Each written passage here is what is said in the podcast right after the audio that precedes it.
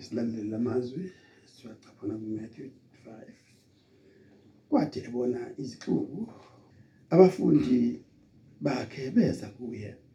Wayesevuma umlomo wakhe wabafundisa wathi babusisiwe abampofu emoyeni ngokuba umbuso wezulu ungowabo. Babusisiwe abakhalayo ngokuba bayakududuzwa. Babusisiwe abamnene ukuba bayakudla ifa lomhlaba babusisiwe abalambele bomele ukulunga ngokuba bayakusuthiswa. Babusisiwe abanesihawu ngokuba bayakuhawukelwa. Babusisiwe abanenhliziyo ehlanzekileyo ukuba bayakubona uNkulunkulu. Babusisiwe abalamulayo ukuba bayakuthiwa abantwana bakaNkulunkulu babusisiwe abazingelwa ngenxa yokulunga. Ngokuba umbuso kaNkulunkulu ungowabo nibusisiwe nxa benithuka benizingela bekhuluma konke okubi ngani. Baqamba amanga ngenxa ye ngenxa yami. Jabulani nithokoze ngokuba umvuzo wenu mkhulu ezulwini ngokuba kanjalo babasingela abaprofeti abanandulelayo amen. Amen. Luke 1 verse 1 to 6 Siyafunda ke? Ubusisiwe umuntu ungahambi ngezeluleko zababi. Ongemi endleleni yezoni ongahlali enkundleni yabaqolodayo kepha ukuthokoza kwakhe kusemthethweni kaJehova. Uzindla ngomthetho wakhe imini nobusuku njengomuthi otshaliwe ngasemfuleni yamanzi uthela izithelo isithelo sawo ngesikhathi sawo. Oqabunga lawo lingebuna nakho konke akwenzayo uyakuba inhlanhla kukho. Ababi abanjalo kepha abanjengamakhoba aphephethwa ngumoya. Ngakho ababi abayikuma ekwahlulelweni nezoni ebandleni labalungileyo. Ukuba uJehova uyayazi indlela yabalungileyo kepha indlela yababi kodwa indlela yababi yakubhubha amen Amen. izwi elidala abantu abakujwayele ukufunda amabhayibheli abo busisiwe umuntu ongahambi ngezeluleko zababi nje iloku esikwenzile ngale lasiqale khona ukufunda uMatthew nje sikhuluma khona umuntu obusisiwe.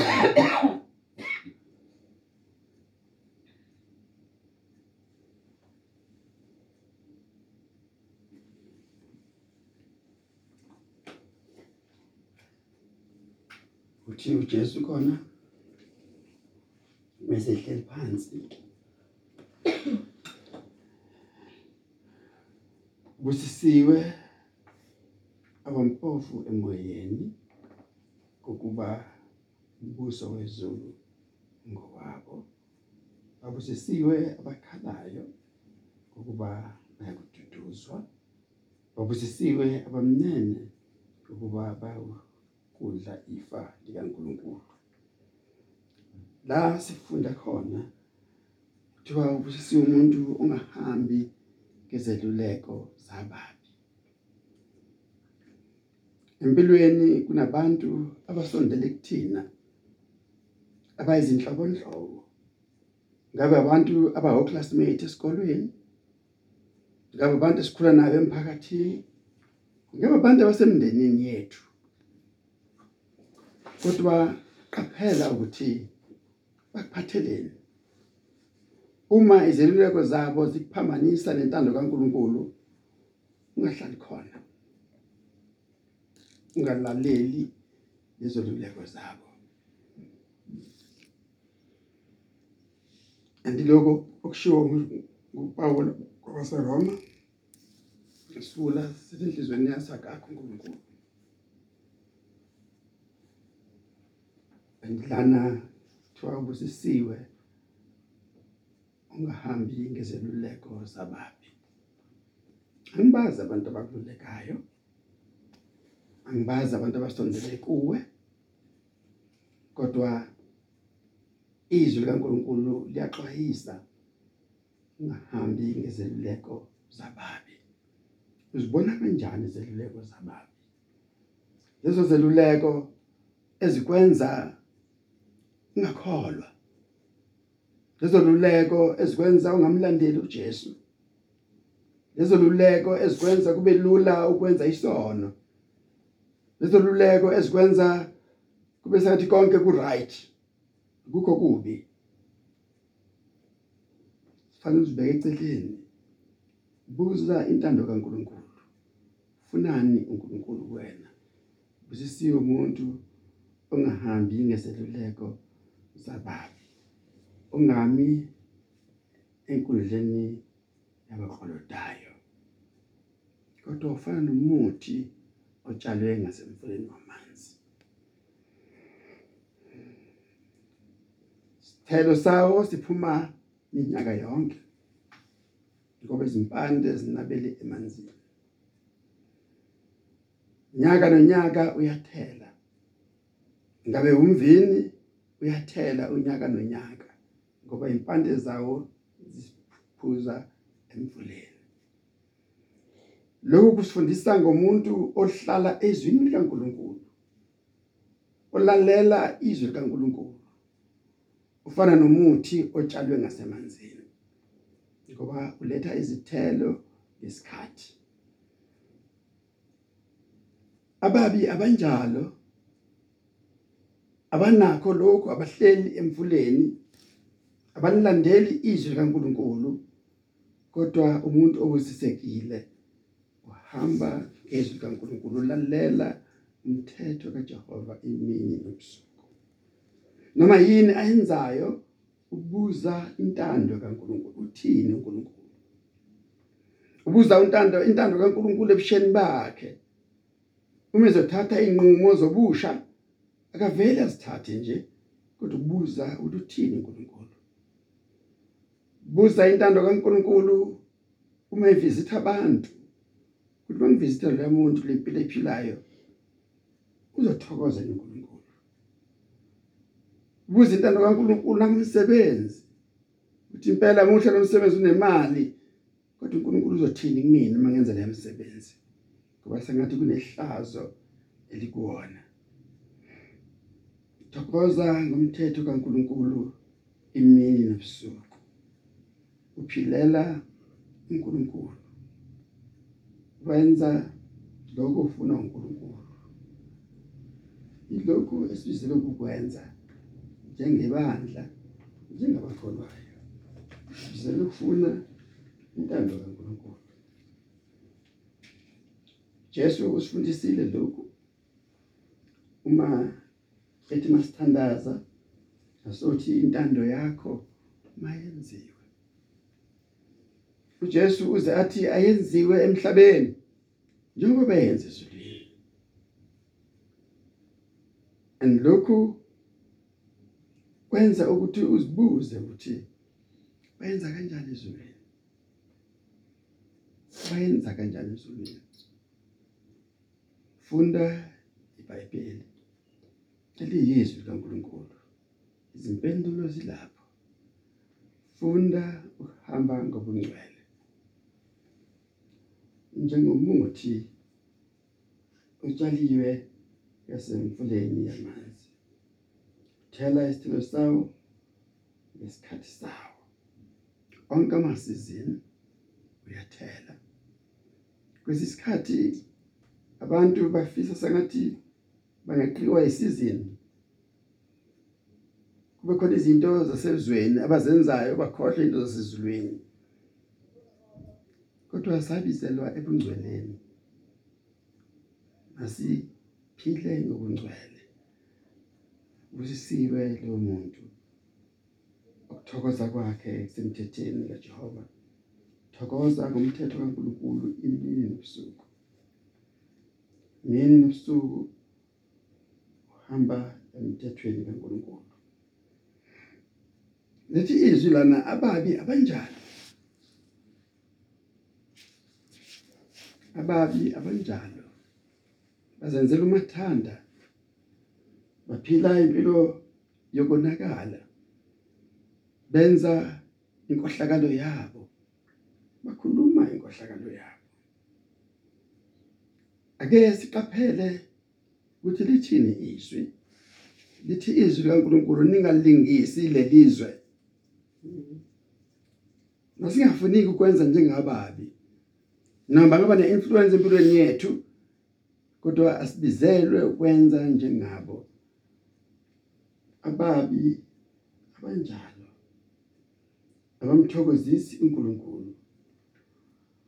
Bahamba ngezinkanuko zabo baphila ezinkanukweni zabo.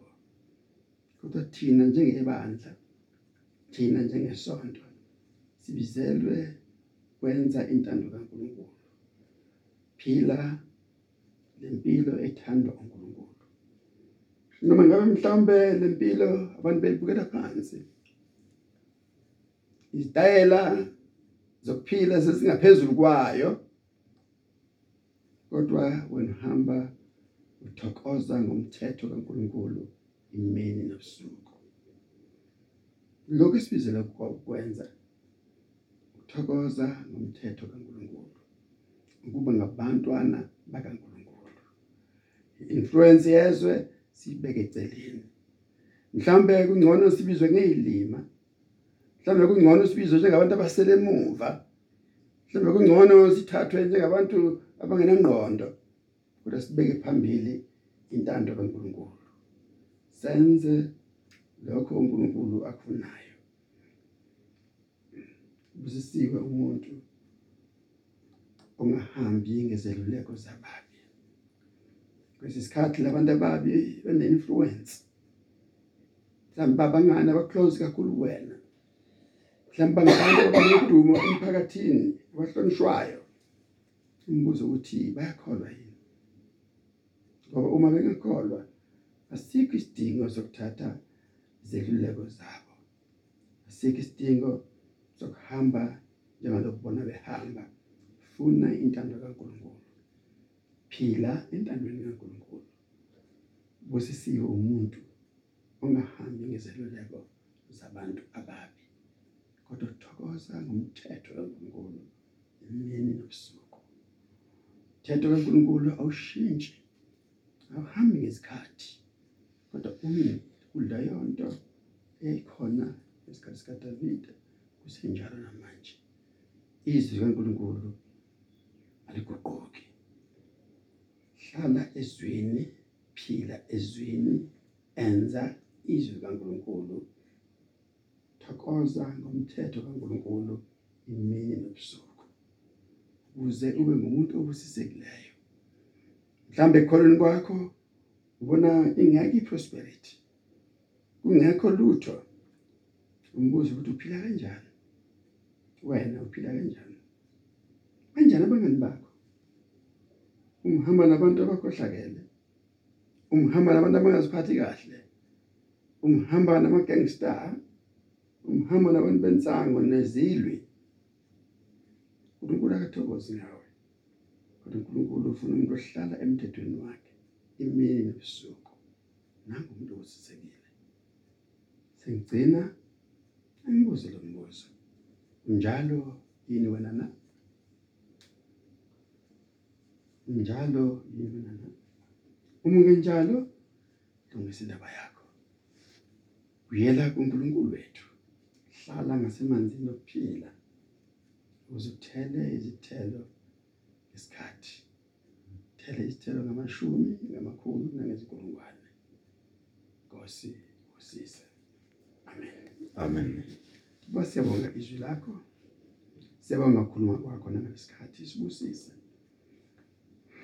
Siphe ukuhlala ngasemthonjeni yamanzi. Siphe ungasuki ebukhoneni bakho. Izimo zokuphila siyasichelisa usuku nosuku.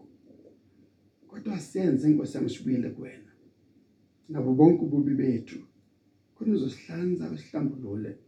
Sofanele umbuso wendodana yakho. Usise ibandla lakho lihlele emakhaya. Usise abakholwayo. Abanye bahlaselwe izifo, abanye baphelelwe imisebenzi. Abanye banakho ukudla. Nkosi wena uyithemba nabo bonke. Baphe ngokwezidingo zabo. Sibheneke esandleni sakho uKristu inkosi. Amen. Amen.